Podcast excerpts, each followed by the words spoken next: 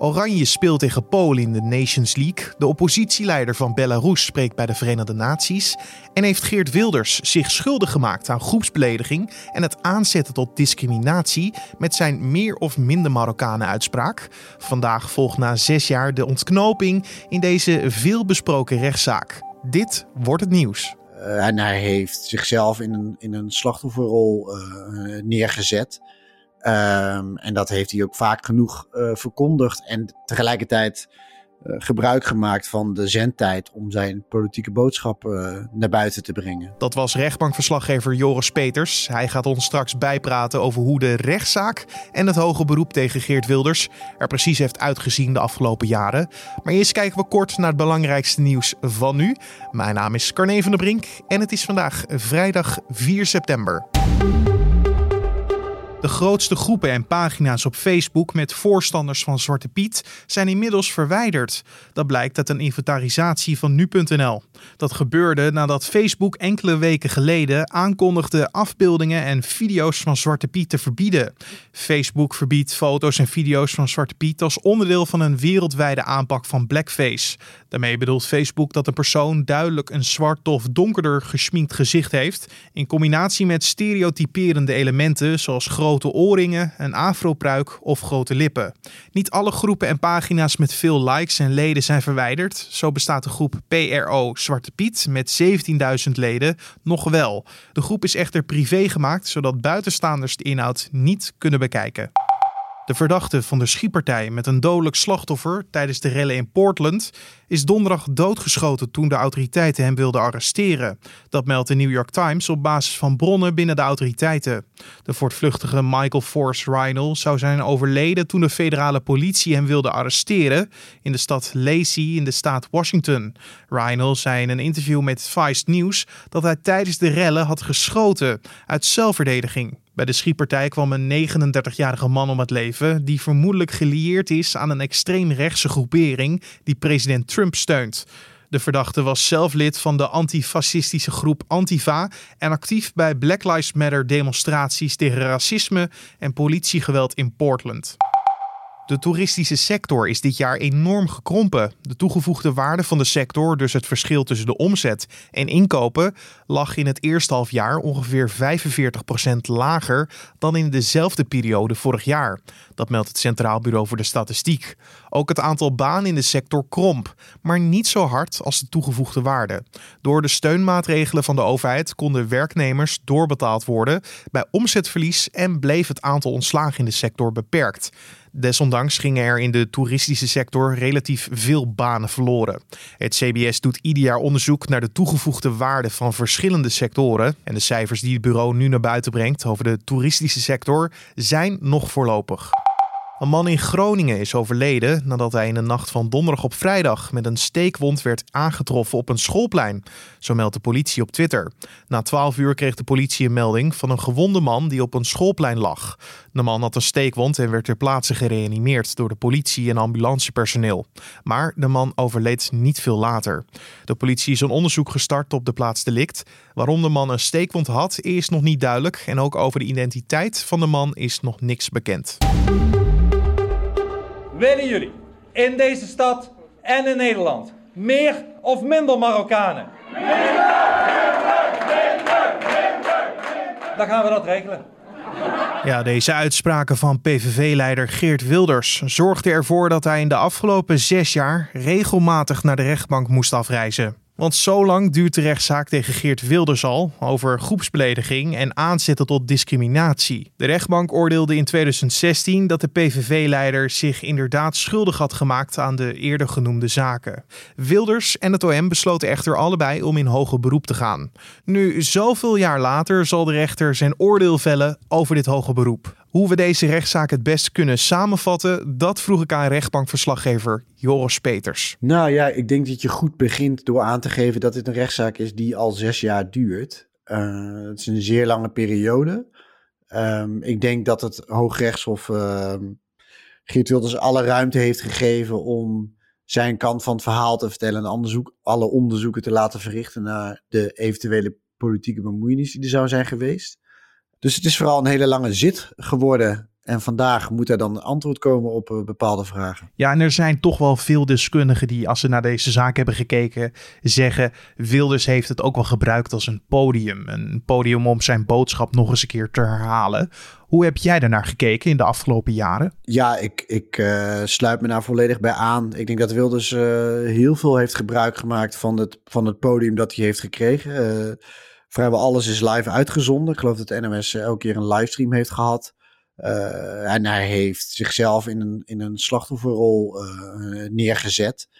Um, en dat heeft hij ook vaak genoeg verkondigd. En tegelijkertijd gebruik gemaakt van de zendtijd om zijn politieke boodschap naar buiten te brengen. Om het even duidelijk te maken, het draait onder andere dus om dat beruchte fragment met een meer of minder Marokkanen vraag. En het Openbaar Ministerie ging dus naar aanleiding van deze video over tot uh, vervolging. Maar wat was er nou volgens hen strafbaar aan die beelden die we, denk ik, allemaal wel hebben gezien? Ja, het gaat, om, en het gaat inderdaad om twee momenten. Het gaat om die video, die, uh, die opname op 19 maart, de gemeenteraadsverkiezingen. Wilders heeft een overwinning behaald. Uh, en mag uh, de camera staan te draaien op zijn, bij zijn partij. En er is ook een uitspraak eerder op de markt in Den Haag. waarin beide keren dat hij zegt dat er minder Marokkanen zouden moeten zijn. En daar is lang over, uh, daar, is, daar is lang naar gekeken door het Openbaar Ministerie van is dit nou strafbaar? Hè? Het gaat om een politicus die heeft nogal wat vrijheid om te zeggen wat hij wil. Uh, draagt dit bij aan het debat. En uiteindelijk heeft het Openbaar Ministerie besloten uh, dat ze hier toch wel aanleiding voor zien om dit voor te leggen aan een rechter. En laat een rechter dan maar oordelen of er inderdaad sprake is van van aanzetten tot haat en discriminatie en groepsbelediging. Nou, dat hebben ze gedaan. En in eerste aanleg heeft de rechtbank dat ook uh, uh, erkend. In ieder geval in het geval van die uitspraken dan op 19 maart. Toen is hij schuldig bevonden en heeft hij... Uh, oh nee, ik wilde zeggen hij heeft een boete gekregen omdat hij niet waar is schuldig bevonden. En dat was genoeg straf. En dan heel even terug naar die video en de inhoud daarvan. Zou je ook kunnen zeggen, dit is een vorm van vrijheid van meningsuiting? En ja, zo niet, hoe wordt dan het verschil bepaald? Ja, nou dat is een goede vraag. En dat is eigenlijk wat, waar zij naar hebben gekeken, is van wat is hier nou precies gebeurd? En zij zeggen, Wilders heeft eigenlijk zo'n setting gecreëerd. Hij wist dat zijn boodschap breed zou worden uitgedragen, want er stonden camera's bij van verschillende nationale zenders. En daarbij is van tevoren afgesproken wat er gezegd zou worden. En dat er dan door de zaal gescandeerd zou worden: minder, minder, minder. Waardoor die boodschap nog steviger overkwam.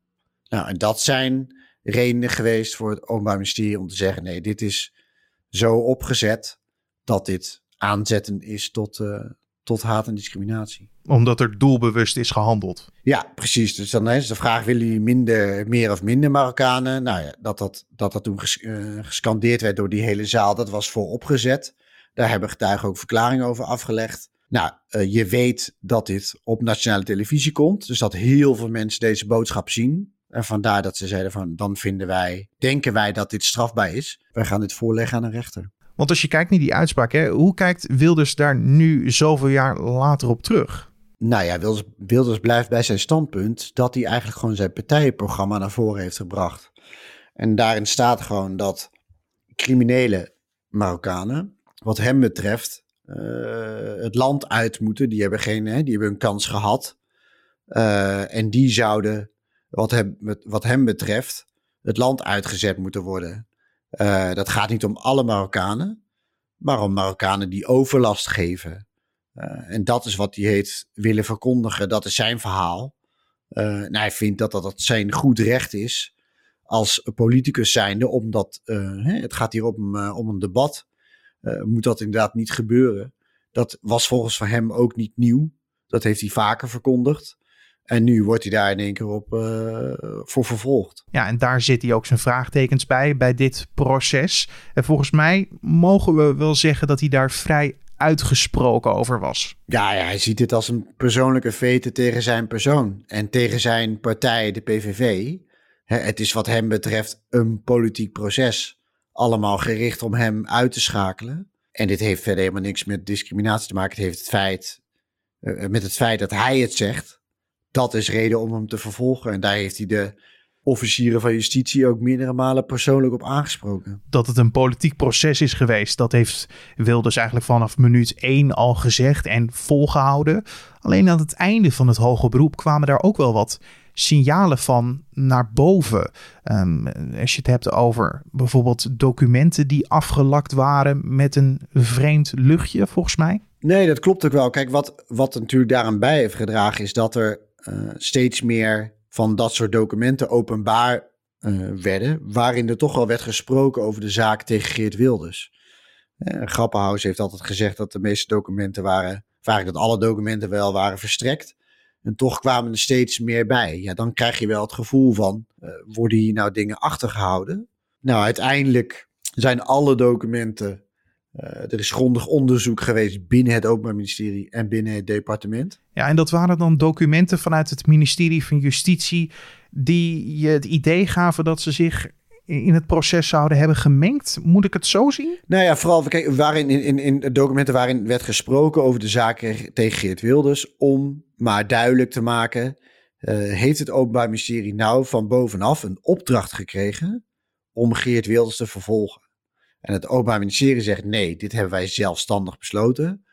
En Wilders en zijn advocaten zeggen nee, dat is een besluit, dat is genomen van bovenaf en dat moest gewoon zo gebeuren van uh, toen de tijd uh, Ivo opstelde. En daar zien zij aanwijzingen voor in alle documenten die ze hebben overgeleverd aan de rechtbank.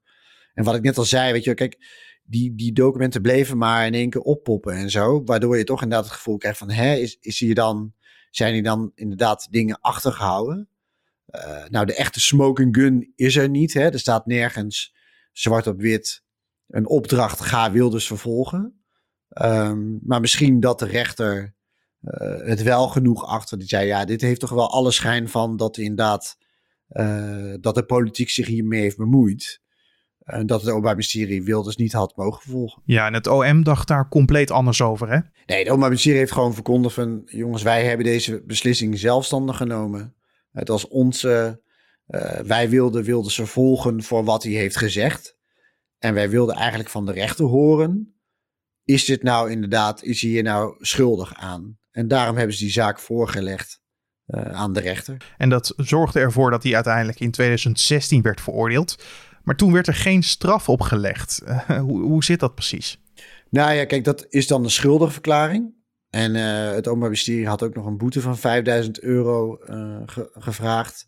Maar wat de rechter eigenlijk oordeelde is dat hij schuldig was uh, voor die uitspraken die hij deed op 19 maart. Hè, dat minder, minder, minder. Um, maar dat die schuldigverklaring aan zich genoeg straf is. En daarom liet hij daarbij. En daarop volgde natuurlijk dat Wilders en het OM, want daar zitten we nu in, dat hele proces, uh, allebei in hoger beroep gingen. Vandaag horen we dan zogezegd de ontknoping. Welke kant kan het opgaan? Nou ja, dat, het kan verschillende kanten opgaan. Ik bedoel, uh, we kunnen hetzelfde krijgen uiteraard. Uh, de schuldenverklaring en daar laat hij het bij. Of schuldenverklaring en 5000 euro boete. Of nog een andere straf. Maar ik zou er ook voor kunnen kiezen dat het uh, uiteraard dat Wilders onschuldig is. Dat hij geen sprake is van, uh, van aanzet tot haat of discriminatie. Dan wel groepsbelediging. Um, dat Wilders gewoon hè, in zijn rol als politicus zei wat hij, wat hij, dat, uh, dat hij zei wat hij mocht zeggen. Um, maar het kan ook nog dat het, dat het, dat, het gerechtshof bepaalt dat er toch wel stevige aanwijzingen zijn dat er inderdaad sprake is geweest van politieke bemoeienis. En dat het OM Wilders niet uh, had mogen volgen, dan wordt het OM niet ontvankelijk verklaard. Dus wat dat betreft uh, kan het nog alle kanten op. En zouden we dan ook na vandaag een strik om deze zaak in kunnen doen en het dossier uh, weg kunnen stoppen in het archief? Nee, dat denk ik niet. Nou, kijk, dat ligt er natuurlijk aan wat, wat het Hof oordeelt. Maar als Wilders schuldig wordt bevonden, dan lijkt mij dat, dat hij zeker in cassatie gaat. Mocht Wilders onschuldig worden gevonden, dan zal het Openbaar Ministerie eerst naar de bewegingen kijken van het Hof. Hoe dat is gemotiveerd voordat zij beslissen om in uh, cassatie te gaan. Maar als Wilders schuldig wordt bevonden, dan, ja, dan ga ik ervan uit dat hij in cassatie gaat. En dan leg je dit dus voor aan de Hoge Raad.